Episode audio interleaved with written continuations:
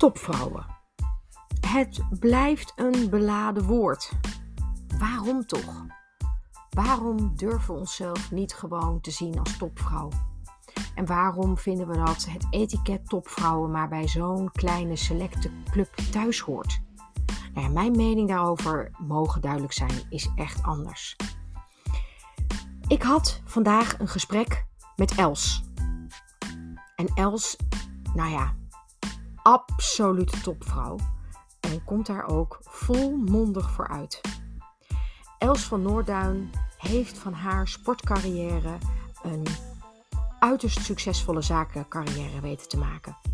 En in haar verhaal uh, neemt ze ons mee in welke transformatie ze zelf heeft ondergaan. En hoe zij met autisme, hoogbegaafdheid en bore-out aan de slag gaat. Maar ook hoe ze nu nog steeds actief is in de sport. Het was een uitzonderlijk boeiend en intrigerend verhaal met een zeer ongeduldige sportvrouw. Want ze heeft me al meerdere malen gespamd waar die opname van die podcast nou blijft. Nou Els, hier komt ie.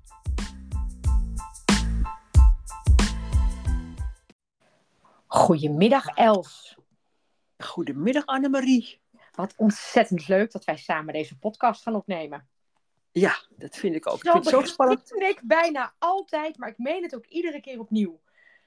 Ik vind het altijd zo leuk als ik uh, leuke vrouwen ontmoet om uh, dan samen zo'n uh, opname te gaan, te gaan doen. Dus ook vandaag kijk ik er weer enorm naar uit. Ja, dat is, dat is wederzijds hoor. Het is echt. Nou, Els, voordat wij gaan starten. Ik begin altijd met dezelfde vraag. Stel je eens voor. Wie ben je? Uh, nou, ik ben oud topsporter op Olympisch finaal niveau. Um, zesde van de wereld gestaan, op het onderdeel koolgestoten. Nou, dat was toen natuurlijk uh, heel bijzonder, hè, want dan ben je geen vrouw of zoiets. Uh, ik heb een opleiding in de, achter de Oostbloklanden gehad, waar ze dus heel anders naar talentontwikkeling keken als het wij nu nog steeds doen. Dat uh, heeft me ook erg rijk gemaakt. Een soort zaadje wat geplant is en ik heb het verder uitgebouwd. Ja. Um, ik heb samen met een aantal mensen Tap to Top. Dat is, gaat heel erg voor talentontwikkeling van meervoudigheid en uh, autisme, hoogbegaafdheid. Het is allemaal mensen die iets, iets niet in het systeem vallen, die begeleiden wij. En de organisatie eromheen ook. Zit, iedereen zit in een omgeving. Dus dat uh, begeleid ik met die andere mensen samen. Zo, dat is even een heleboel in een, uh, in een paar minuten tijd. Uh, ja, sorry, dat is natuurlijk een hele leven. Hè? Ja, ja. ja. Want, want je, je triggert mij natuurlijk gelijk. Hoe kwam jij in het Oostblok terecht en ben je daar opgeleid? Uh, nou, ik ben uitgezonden als uh, veelbelovend talent. Um, ja, dat overkomt je. Ik was gewoon per ongeluk, denk ik altijd maar, kampioen van Nederland geworden en zo. Dan val je op en dan gaan mensen denken, hé, hey, in Nederland valt niets te halen voor haar. Uh, dus daar hebben ze, door het Leo van de Karfonds ben ik uitgezonden. Dan vervolgens moet je heel actief zijn om het in het echt te laten gebeuren. En dan kom je dus in de DDR, achter de muur. En, en wanneer, wanneer was dit? Uh, ik, was net, uh, nee, uh, ik was 19 toen ik uitgezonden werd en ik heb daar een verjaardag gevierd van 20. Dus het is ongeveer 66 geweest, denk ik. Wauw. En hoe was dat in die tijd? Hoe, hoe heb je dat ervaren? Ja, daar, dat is een heel spannende vraag. Omdat mensen mij steeds vragen, schrijf er nou eens verhalen over. Ja. En ik ben nu met een correspondent bezig om te kijken of dat gaat lukken. Uh, en anders wordt het een voorstelling. En uh, wat ik, hoe ik het beleefd heb, is dat je, je gaat ergens heen waarvan je, uh, je denkt dat mensen je daar verder kunnen helpen. Mm -hmm. terwijl de, het systeem haak staat op waar ik vandaan kwam. Dus ik heb direct ervaren, echt vrij snel, dat ik een vrijheid uitstraalde die daar de mensen dus niet hadden. Mm -hmm. Uh, maar wel in de sportwereld was er iets heel anders. Dus het was een hele wereld op zich, zoals er vaak nu nog steeds is. Ja. Uh, waardoor je uh, er heel erg goed bij paste. En ik kreeg ontzettend goede begeleiding. Dus ik viel echt met mijn neus in de boter. En was er alleen maar heel blij mee. Het lijkt me wel een. een, een hoe, hoe keken jouw ouders daarnaar in die tijd? Uh, nou ja, mijn moeder had een zaak. Um, en toen was ik een keer um, was ik achter gewoon. En toen vroeg een klant: nou, hoe durf je je dochter naar de uh, Oostbloklanden te sturen? Toen zei mijn moeder: Nou, ik kan die toon van haar stem nog steeds horen. Ja. Ik vertrouw haar. Wauw. En nou, dat is ook zo. Dat is zo fundamenteel belangrijk dat ouders dat echt zeggen, het menen. En nou, dat, dat draag je gewoon. Dus mijn ouders vonden het heel fijn. Mijn vader zei altijd van, ja, daar kan je het halen. En in Nederland uh, heb ik het nooit kunnen krijgen. En jij krijgt het ook niet. Dus je moet gewoon naar buiten, naar buitenland. En, en hoe, hoe heb je dat dan? Je ging daar als jong meisje naartoe. Ik, ik, kan me voorstellen, ik bedoel, ik was op die leeftijd nog behoorlijk wereldvreemd. Hoe was dat bij jou? Um, nou, ik denk dat het ook wel een beetje wereldvreemd was. Want ik had geen idee van wat een muur betekende voor een volk.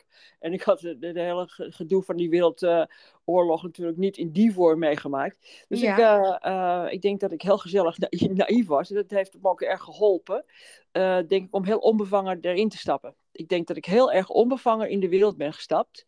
Ehm, en ik weet wel dat ik heel erg goed besloten had in Nederland had ik altijd toch wel een scherm om me heen. Weet je, dat, dat herken je ook vast wel. Dat je toch niet helemaal jezelf durft te zijn of kan zijn. Of je niet laat zien wie je bent. En ik zal nog nooit vergeten, spontaan toen ik de trap opliep naar het vliegtuig, dacht ik, oké, nou, nou is het klaar, weet je wel. Dan ga je gewoon helemaal jezelf zijn. Dat dacht ik niet eens. Ik dacht gewoon, dit is klaar, die periode is klaar. En toen ben ik gewoon mezelf geweest vanaf die tijd. hey, en wat was, er, wat was er klaar dan? Nou dat, dat, dat, nou, dat ik steeds niet eerlijk, dat ik niet helemaal mezelf liet zien. Oké. Dat heel veel mensen hebben dat je durft jezelf niet te laten zien wie je bent. Om allerlei redenen. Die had ik natuurlijk ook. Mhm. Maar ik dacht, wil ik dit voor elkaar krijgen, dan moet die coach, een professor, hè, die moet wel kunnen zien wie ik ben als mens. Want anders weet hij, kan hij me niet helpen. Dus dat was een split second dat ik dacht van oké, dat is gewoon klaar. En nu een andere wereld instappen. Dat heb ik ook was, gedaan. En wat was je grootste transformatie dan toen? Nou, ik hield mezelf altijd terug. Um, ik kreeg natuurlijk gehoord dat ik altijd groot en sterk was en dat ik snel was. En dat ik het eigenlijk op een toon dat ik het niet mocht zijn. Ik, ik, ik, mocht dingen niet zijn van de buitenwereld. Oké. Uh, ze konden me ook niet helpen. Dus het, het klikte ook met helemaal niemand om, om, om verder te komen. Terwijl ik wel kampioen werd. Dus niemand begreep er ook iets van. Uh, maar ja, en ik ging op vakantie. Ik werd kampioen zo ongeveer. Zo, zo was het dus echt. Dus ik heb helemaal niet echt mijn best. Ik was heel fysiek uh, bewegelijk. Dus dat, ik, ja, dat moest ik gewoon kwijt. Maar ik, ik bereidde me niet voor of zo. Ik ging echt met vakantie en dan kwam ik terug en dan werd ik kampioen. Dat was echt zo. Bizar. Klinkt ook wel eenzaam.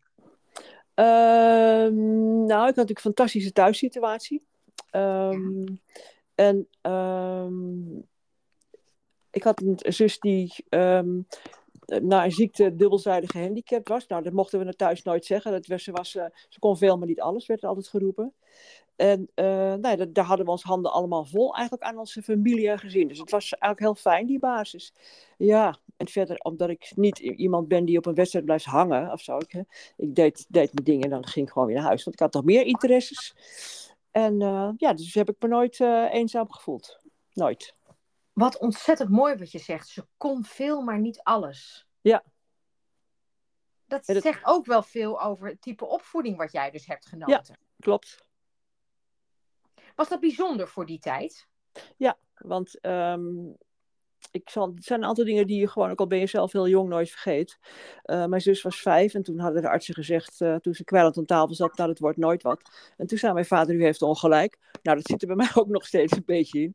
Van, nou, ik weet niet of je gelijk hebt, weet je wel. Dus, ja. dus dat. En verder ben ik uh, heel liefdevol verwaarloosd, want zij vroeg af en toe aandacht. En doordat ik die ruimte kreeg, uh, kon ik allerlei dingen doen waar je met controle of, of, of oplettendheid gewoon niet aan toe komt. Dus ik heb, ik heb een heel rijk, uh, heel rijke gezin gehad. Liefdevol verwaarloosd. Nou, dat was niet altijd tijd voor mij. Nee, maar dat voelde niet gek. Nee, het was heerlijk. Nee. Kon, want ik kreeg tegelijkertijd, dat is vertrouwen wat mijn ouders mij schonken. Tegelijkertijd had ik ook de ruimte van, nou ga lekker spelen of doe de dingen die je interessant vindt. Of dat. Dus dat, dat vertrouwen is er altijd geweest. En dat, heeft, ja, dat is zo'n basishouding. Uh, ook al zitten periodes onhandig of lukken dingen niet, of het gaat niet zoals je wil. Dat is wel een mhm. basishouding geworden. Hey, en zei je nou dat je moeder ondernemer was? Ja, leuk hè? Wat stoer. Je is heel stoer. Ik heb een hele leuke moeder gehad. Die was echt, nu zou ze feminist geworden zijn, maar daar was ze wars van. Maar als ze in een, in een blad zag dat vrouwen kort haar hadden in Parijs, dan ging ze meteen naar de kapper en liet ook haar haar knippen. Ik heb een ontzettend leuke moeder gehad. ja. hey, dus we hebben het er nog niet over gehad, maar die liefde voor Frankrijk, die heb je van je moeder dan?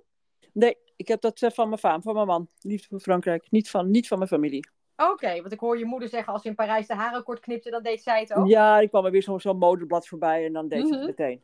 Weet je, mijn moeder was wel, uh, ja, het was, het was een mooie vrouw en uh, ondernemer. In de economie geïnteresseerd. En, uh, en ook in, in muziek en dans. En mijn vader was veel meer van de biografie, de sportkant en de onderwijzer af en toe. En ik geloof dat ik alles gepikt heb van ze wat ik pikken kon. Nou, dan, dan ben jij best een interessante combinatie geworden, denk ik. oh, nou, ik vind... nou, dat, zou, dat zou kunnen, maar dat, dat weet ik niet zo. Nee, dat ga je niet van jezelf zeggen. Hou eens even op, zeg. Nee, nee, nee. Er is altijd een ander die dat vindt. Ja. En weer door, hè Els? Ja, zo ongeveer. ja. hey, je liefde voor Frankrijk? Um, Vertel eens. Nou ja, mijn man was architect en die is kleine vijf jaar terug heel onverwachts overleden.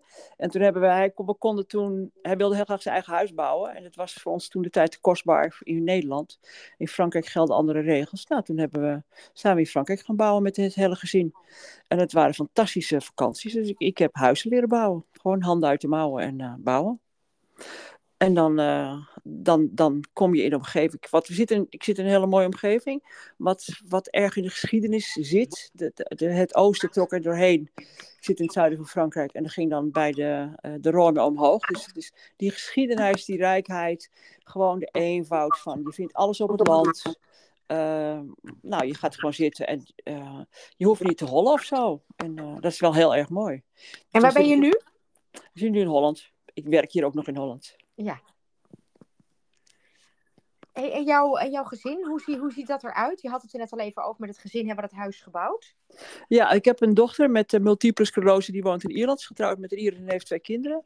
En ze is uh, kinderboekschrijfster. En uh, mijn zoon is een boardmember van Dolby. En net een studie in het Engels afgerond. En heeft twee zoons. En ze zijn internationaal grootgebracht. Ik zeg, Nederland is te klein, dus vlieg maar uit. En dat uh, heb jij natuurlijk in jouw jonge jeugd net zo hard meegekregen. Ja, ja. Kijk, en het, je, je, je hebt dus een heel andere vorm van relatie als steeds dingen met elkaar samen doen. Kijk, mijn zoon mhm. komt altijd naar Frankrijk. Gewoon gezellig met de hele familie. Maar ja, hij is nu in Amerika. Ja, en je, ik heb laatst tegen mijn kleinkinderen me verontschuldigd dat ik niet zo'n oma was. Ze noemen me geen oma hoor, ze noemen me gewoon Els, want ze weten niet wat een oma is. Dus hebben ze iets van, uh, ik heb echt verontschuldigd. Ik zeg, ja, ik, uh, ik kijk naar de schaats, ik kijk naar dingen, maar ja, ik ben niet iemand die gaat zitten of zo. Of uh, je er altijd is of zo. Dus heb ik me echt van verontschuldigd. Daar is iets van... Was toch niet nodig, oma? Nou, nee, zoiets, ja. nou, ze noemen me gewoon bij mijn voornaam. Op een of andere manier is het erin geslopen, dus ze noemen me gewoon bij mijn voornaam. En volgens mij past je dat ook wel heel goed. Ja, het is gewoon een eigen identiteit. Ja. hey Elsen, je, je, je, noemde ook even heel kort je, dat je zo begaan bent met autisme. Wat is daar dan de link? Nou, ik denk dat ik door mijn opvoeding met hoogbegaafd en, en al dit soort, en mensen die meervoudig zijn, hè, die, niet, die gewoon bore-out raken, vaag zijn, niet meer weten wat, welke betekenis ze kunnen hebben. Hè, en dat, uh, en alle drie zitten er allerlei componenten vaak in, bij. Um, Omdat ik heb leren, echt heb leren kijken naar wat er is. En, uh, en niet naar wat er niet is. Hoe heb je dat echt geleerd? Nou, doe mijn zus. Je kijkt gewoon naar wat er is. Oké. Ik, ben, ik, ik kan niet eens zien als iemand, ja, maar dat kan niet. Hoezo kan hij niet? Weet je, dan denk ik van, het vertrekpunt is altijd datgene wat je kunt. Ja. En daar ga je dingen bij ontwikkelen. En kijk, ik ben geen beleidsschrijver. Ik bedoel, dan moet je mij niet vragen. Ik kan prima schrijven, maar dat niet. Dus ja, dan mm je mensen in of zo, toch? Zo werkt het toch? Ja, dat denk ik, ja. Ja. Is natuurlijk niet zo ingewikkeld over. Maar dat is wel heel, heel fijn als je dat zo makkelijk van nature doet. En dus eh, heel veel mensen die niet in het bestaande systeem passen, hè, zoals we nu werken, omdat iemand vindt dat je een baan nodig hebt met een paar uh, dominante talenten, één dominant talent of zo. Hè, nou, en dat moet dan passen. Terwijl ik denk, ja, eigenlijk zeg maar, is dat geweest. Deze hele uh, organisatiestructuur uh, is anders. Mensen, zeker de jongere garde en zeker de mensen die niet in het systeem passen of willen passen, ja. die, die, gaan, die kijken echt anders en die gaan voor klussen. En die hoeven geen uh, uh, in het hele stramien van, van gesprekken en, en, en hiërarchische situaties. Nou, dan hebben ze gewoon, die gaan klussen doen en die willen ze in ontwikkelen en leren. En dat is wel, denk ik, gewoon als je kijkt naar het well-being van mensen in zijn algemeen. Mm -hmm. Ja, ik geloof dat er nu 90% mensen in het vast stramien zitten en 10% kan meer zijn hoor. Die doet anders, maar daar, dat, dat hebben we gewoon zo hard nodig. Ja, organisaties zijn er niet op gebouwd. Niet gebouwd op? Op, op een andere structuur met werknemers om te gaan. Ja. ja die kennen alleen de vaste structuur, bedoel je? Ja. Ja. Het systeem wat ze opgebouwd hebben voor controle, weten dat het goed gaat. Terwijl ik denk, ja, dat kan echt anders. En ik weet ook hoe het anders kan hoor. Dus, uh... Vertel eens, wat doe je dan? Nou ja, als je dus. Uh... Kijk, ik denk gewoon net zoals jij werkt met mensen samenwerkt, of je hebt opdrachten, maar je werkt ook met mensen samen. Nou, dat is de constructie die ook bij bedrijven veel meer gaan plaatsvinden. Dus je, je, je huurt geen ZZP'er, maar soms is iemand maar drie maanden nodig uh, voor een klus, een klus. Kijk maar naar de gamewereld. Hè? Die jongens vliegen van Australië iemand in en die bouwt een brug uh, en dan huppet, dan gaat hij weer weg of zo. Hè? Ja, dus dat, ja, ja, ja. ja. dus dat is veel meer wat er gaat gebeuren voor de toekomst dan voelen mensen zich prettig. Dan, dan kun je veel makkelijker uh, ook kiezen wat, waar, waar de evenwicht zit tussen de, de dingen die je ook interessant vindt. Of het nou familie is of een, een hobby, dat maakt mij niet uit. Maar mhm. dat is hetgene waar we heen gaan. En dat is heel lastig voor alles wat dichtgetimmerd is en vaststaat. Hey, en wat, wat voor rol pak jij daar dan in, in die hele uh, wereld? Nou, dat is eh, toch wel afhankelijk van de vraag. Maar iedereen weet dat ik naar de hele omgeving kijk. En ik zit vaak op directieniveau uh, en met een team te werken wat het lastig heeft, waar dit soort mensen in, eigenlijk zijn weg niet in weten te vinden. Terwijl ze hard qua kennis nodig hebben. Ja. Dus dan, dan kijk ik wat het zelforganiseerd vermogen is en hoe de omgeving eruit kan komen zien. Dus ik werk dan ook heel divers en soms ben ik daar even nodig. En ik bespreek het altijd met de directie. En uh, nou, dus daarin uh, voed ik ook hun soms op. En, uh, en zorg ik dat de voorbeelden zichtbaar zijn hoe dat eruit ziet. Want als je geen voorbeeld hebt als bedrijf, ja, dan heb je ook geen idee. En hoe ben je daar ingerold dan? Ja, je gaf natuurlijk aan wel via je zus, maar dat, dat was natuurlijk gewoon vanuit, vanuit je jeugd ingegeven. Maar hoe heb je daar dan ook voor een deel je, je, je werk, je passie van gemaakt? Nou, uh, toen mijn kinderen klein waren, heb ik in het onderwijs gezeten bij een stichting die vond dat het allemaal hele moeilijke kinderen waren. Ik had zoiets van, oh, die hebben het even lastig. Ik heb er alles toegepast wat ik in de derde jaar geleerd had over ontwikkelen van mensen en wat je allemaal doet mm daarbij. Uh, toen, ben ik, toen dacht ik, nou ja, ik wil geen directeur worden en zo. Want dan mis ik de bewegelijkheid toen de tijd. En uh, ben toen wat opleidingen gevolgd van waar heb ik in welke omgeving heb ik nog niet gewerkt in het bedrijfsleven. En uh, nou, dus toen heb ik wat opleidingen gevolgd van hoe zit de wereld in elkaar. En toen kreeg ik opdrachten. En zo ben je langzamerhand uh, lerende, uh, uitvoerende tot deze gedachte gekomen. Onwijs ondernemend. Heb je dat van je moeder? ik denk van alle twee wel. Mijn vader was ook ondernemer. Oké. Dus je hebt het al met de paplepel ingegoten gekregen? Met de paplepel ingegoten. Met, maar ook dat je risico aan vast zit. Ook dat dingen eens even niet lukken. Ook dat, het, dat je gewoon financieel denkt, hoe kom je toch een keer voor elkaar of zo. Omdat je niet standaard um, wil zijn. Omdat ik vind dat mensen niet standaard zijn. Hey, en wat doe je dan als, je, als het een keer niet lukt? Zet je door? Wat, wat, wat? Ja, ik zet meestal door. Ja? Ik, eh, ik, ben iemand die heel... Spel is wel een ding van mij. Dus podcasten en artikels van verschenen. Uh, en dat, daar kan ik vanuit alle perspectieven gaan kijken. En uh, wat ik dan, zoals elk mens heb, ik ben dan de angst, niet de angst om te overleven of zo, maar zo'n angstprikkel is wel handig om, uh, om anders te kijken. Uh, van hè, hoe kan het spel nou anders vormgegeven worden, welke perspectieven. En uiteindelijk lig ik in een deuk en moet ik schaten lachen en dan heb ik hem. Maar ja, dan moet je dan wel in de bak komen. Je moet dan wel dingen gaan doen, maar dat weet je zelf ook. Als je dingen gaat doen, loopt het niet meteen. En, ja. en zeker niet als je anders denkt of kijkt, dan ja, is de eerste vraag, wat krijg ik nou? denk ik, ja, maar ik hoor je zeggen dat jouw angstprikkel die motiveert. Ja, ik, dit is gewoon een gezonde angstprikkel. Weet nee, je, als dat begrijp ik. Want heel veel mensen hebben namelijk, of tenminste, de, de, de, sommige mensen die bevriezen helemaal. Ja. Eh, of die, die hebben de, de, de neiging om te vluchten. Ja. En bij jou motiveert die. Ja, kijk, en dat komt ook uit de sportwereld. Je bent altijd enigszins bang als je op het veld staat. Gaat het lukken of gaat het niet lukken? Hè, toch? Ja. En, uh, en dan hebben, zit er ontzettend veel invloed uit de sportwereld op. Er zitten zoveel mensen die zich alles vinden en zich ermee bemoeien. En, uh, dus maar die angstprikkel blijft. En dan leer je ook dat je op een gegeven moment anders met aandacht om kan gaan. Dat je anders met jezelf om kunt gaan. En, uh, dus die angstprikkel stimuleert wel degelijk. Maar ik slaap daar niet minder om of zo. Maar het is wel voor mij een prikkel, ja. Ben je altijd zo relaxed geweest? Of is dat ook door de, door de jaren heen gekomen? Nou, er zit altijd wel een relaxheid in. Um, maar kan mezelf ook wel eens te lang tegenwoordig het aanstaan. Ik ben iemand die heel erg zijn zintuigen op steeltjes zet en alle antennes uit aanzet. En als, dat kan ik wel eens te lang volhouden. En dat is dan niet handig. En dan raak je overprikkeld? Nou, uh, dat.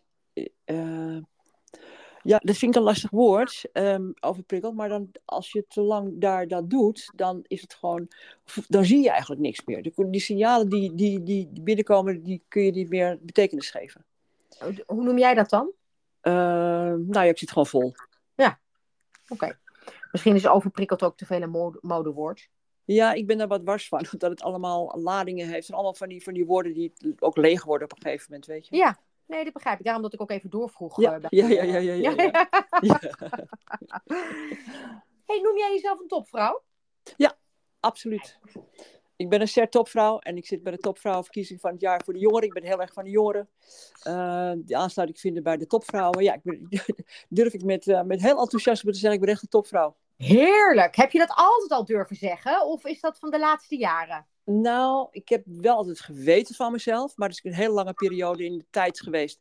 dat je helemaal niet mocht zeggen dat je goed was. Als ik zei, mm -hmm. ik ben gewoon goed. Hè, dan zei je, dan durf je het van jezelf te zeggen. En dan, denk, dan zei ik het zeggen aan mezelf, je bent gewoon goed. En, uh, en nou, nou kun je het echt de laatste 20, 25 jaar zeg ik het gewoon lekker hardop. Ik denk, ik zoek het even lekker uit. Ik zeg het gewoon hardop. Laatste 20, 25 jaar, jeetje, ik zou willen dat ik dat had gedaan. Nou ja, op een gegeven moment is het toch wel. Kijk, mensen vinden altijd wat van je. Mensen roepen altijd iets over je. En dan zijn ze mhm. meer bezig met mij als met zichzelf. En ja, dat, dat, is, dan, dat is dan maar zo. Ik hou graag van om mezelf uh, mijn moeite waard te vinden om dingen te ondernemen. En daarmee te blijven ontwikkelen en actief te blijven. Omdat het boeiend, het leven is gewoon boeiend. Met al het gedoe wat het brengt. Absoluut. Nee, maar weet je, dat is ook misschien, tussen, dat is bij mij, hè. ik word nou ook een beetje ouder. En dan denk ik wel eens het relatief. Dat, uh, ah, dat vind ik toch wel een van de, van de hele mooie upsides, zeg maar, van uh, de, uh, de grijze haren, zeg maar. Ja. Ja. Nou, volgens mijn kappen krijg ik niet de grijze haren. Maar... Nou, ik wel maar... hoor. ja. Ja, wat ik het mooie vind is dat de, uh, ik roep tegenwoordig weer opnieuw een hele oude kreet van mij, dat schildpaddengeest zoveel intelligenter en slimmer maakt. En dat hazenbrein, als maar holle, holle, holle, dan hol je echt dingen voorbij.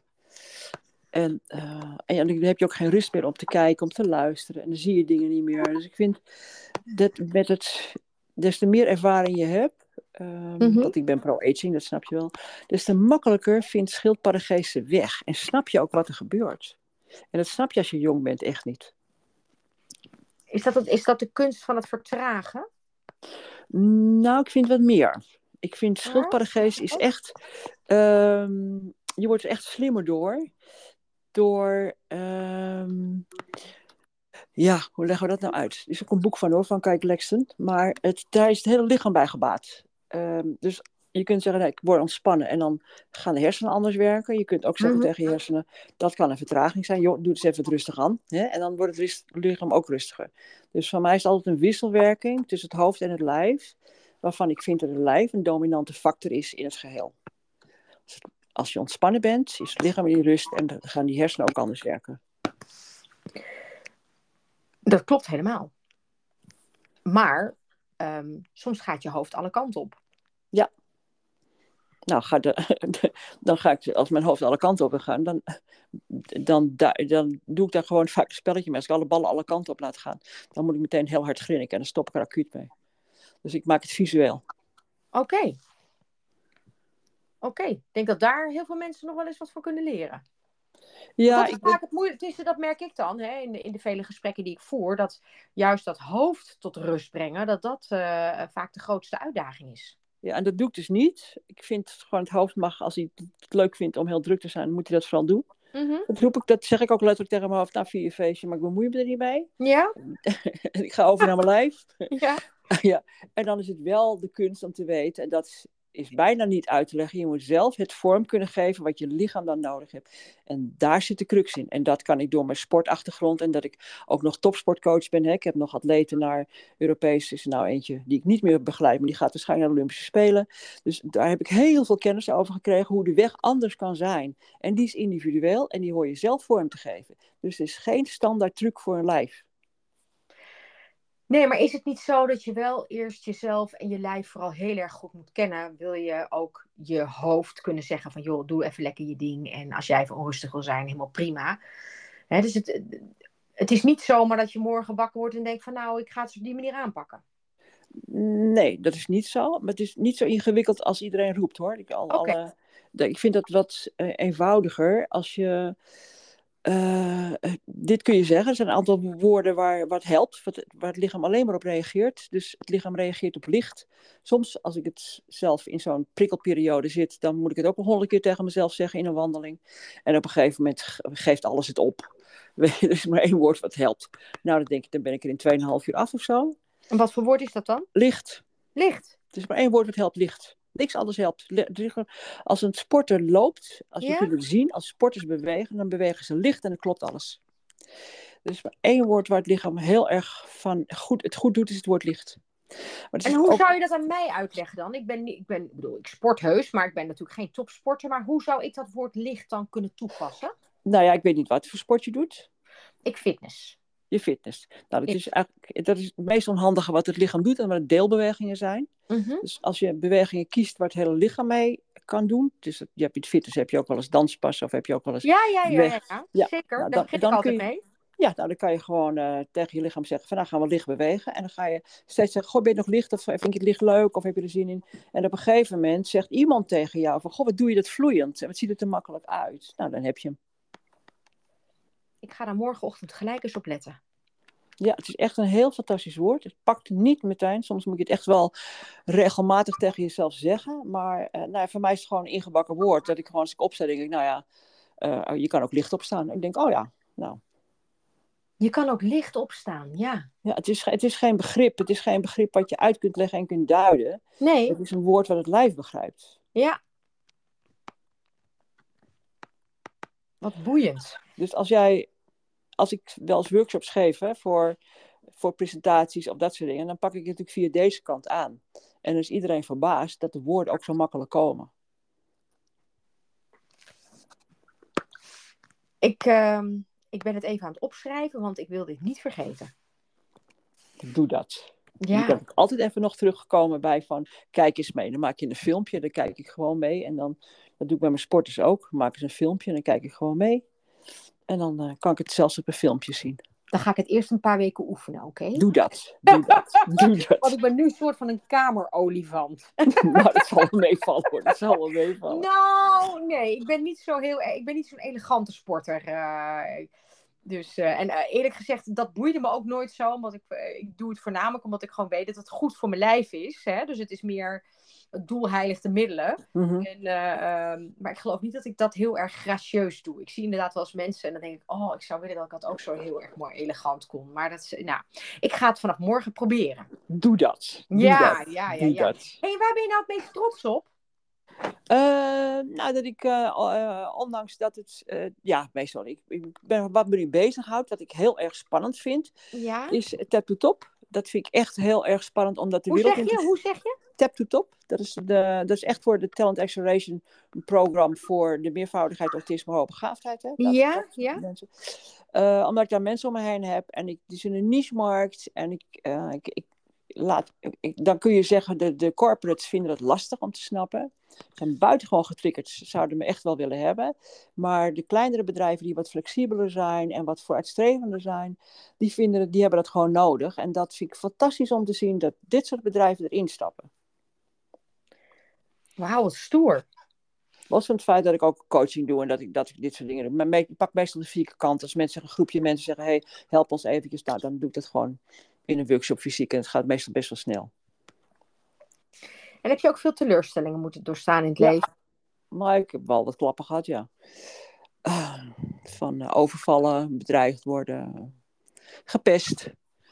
Uh, Nou, bedenk het maar. Maar ehm, ergens heb ik een teleurstelling niet, maar het zijn wel heftige dingen die ik meegemaakt heb. En soms overkomt het je waar je niet om gevraagd hebt. Maar als het echt iets was van overvallen of, of pesterijen, mhm. dan heb ik, mijn moeder was geniaal dan, uh, dan was, lag, heb ik echt heel snel begrepen dat de verantwoording voor het pesten bij de ander ligt.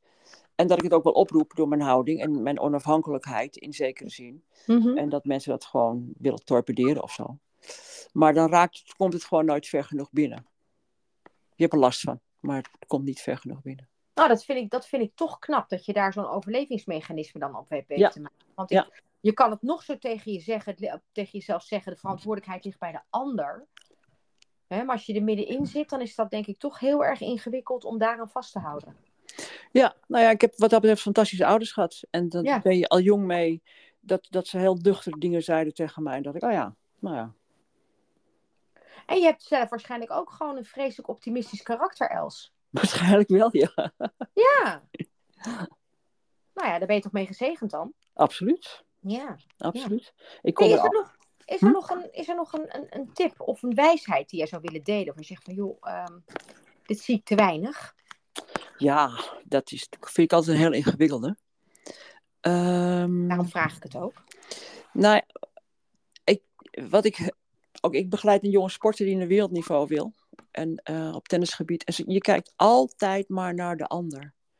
En ik denk, stop daar nou toch eens mee. Stop nou toch eens naar de anderen te kijken. En dan heb je, want dan heb je pas aandacht voor jezelf. En, ga eens bedenken wat je, waar je goed in bent. En dat zijn max vijf dingen. En ga eens kijken, wat doe je daar dan mee? Weet je, dat vind ik echt... We kijken alles bij de ander. Stop er eens mee. Stop er eens mee. Ja. Ik, ik hoor twee wijsheden. Stop met kijken naar de ander. En bedenk voor jezelf waar je goed in bent. Ja, en doe er eens mee. Ja. Ben je vaak wel druk genoeg mee, hè? Nou, Dank je Els. Ik heb genoten van je enthousiasme. En uh, genoten van, van, ons gesprek. Aan het einde het slotwoord van jou. Heb jij alles kunnen zeggen wat je wilde zeggen? Of nou, ik zou zo graag hierover iets kwijt willen. Nee, voor dit, voor dit tijdstip denk ik dat, ik dat we het meest essentiële boven tafel hebben gekregen. Wat, wat voor mensen de moeite waard is om naar te luisteren. Uh, en ik hoop zeker dat ze wat eruit kunnen plukken waar ze wat mee gaan doen. En daarvoor wil ik je heel hartelijk bedanken dat je zulke mooie vragen stelt. Nou, dankjewel Els. Het was zo'n gesprek met jou, want uh, ik hoefde maar een, een, halve vraag en er kwam er weer een prachtig antwoord. Dus uh, ja. dankjewel hiervoor. Ik heb ervan genoten. En ik wens je nog een hele zonnige middag toe. Ja, jij ook. Dankjewel. Oké, okay, dag Jan. Hoi.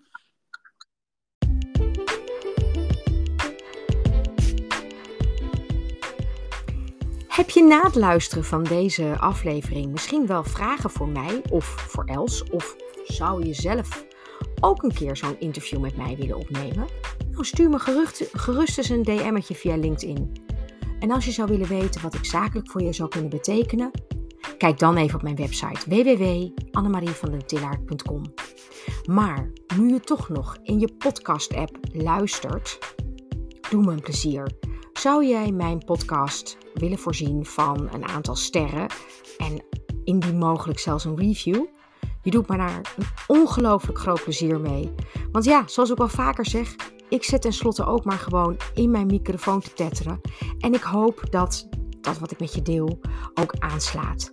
Dus een review of een aantal sterren van jou maak je me heel erg blij mee. Ik wens je nog een hele fijne dag toe.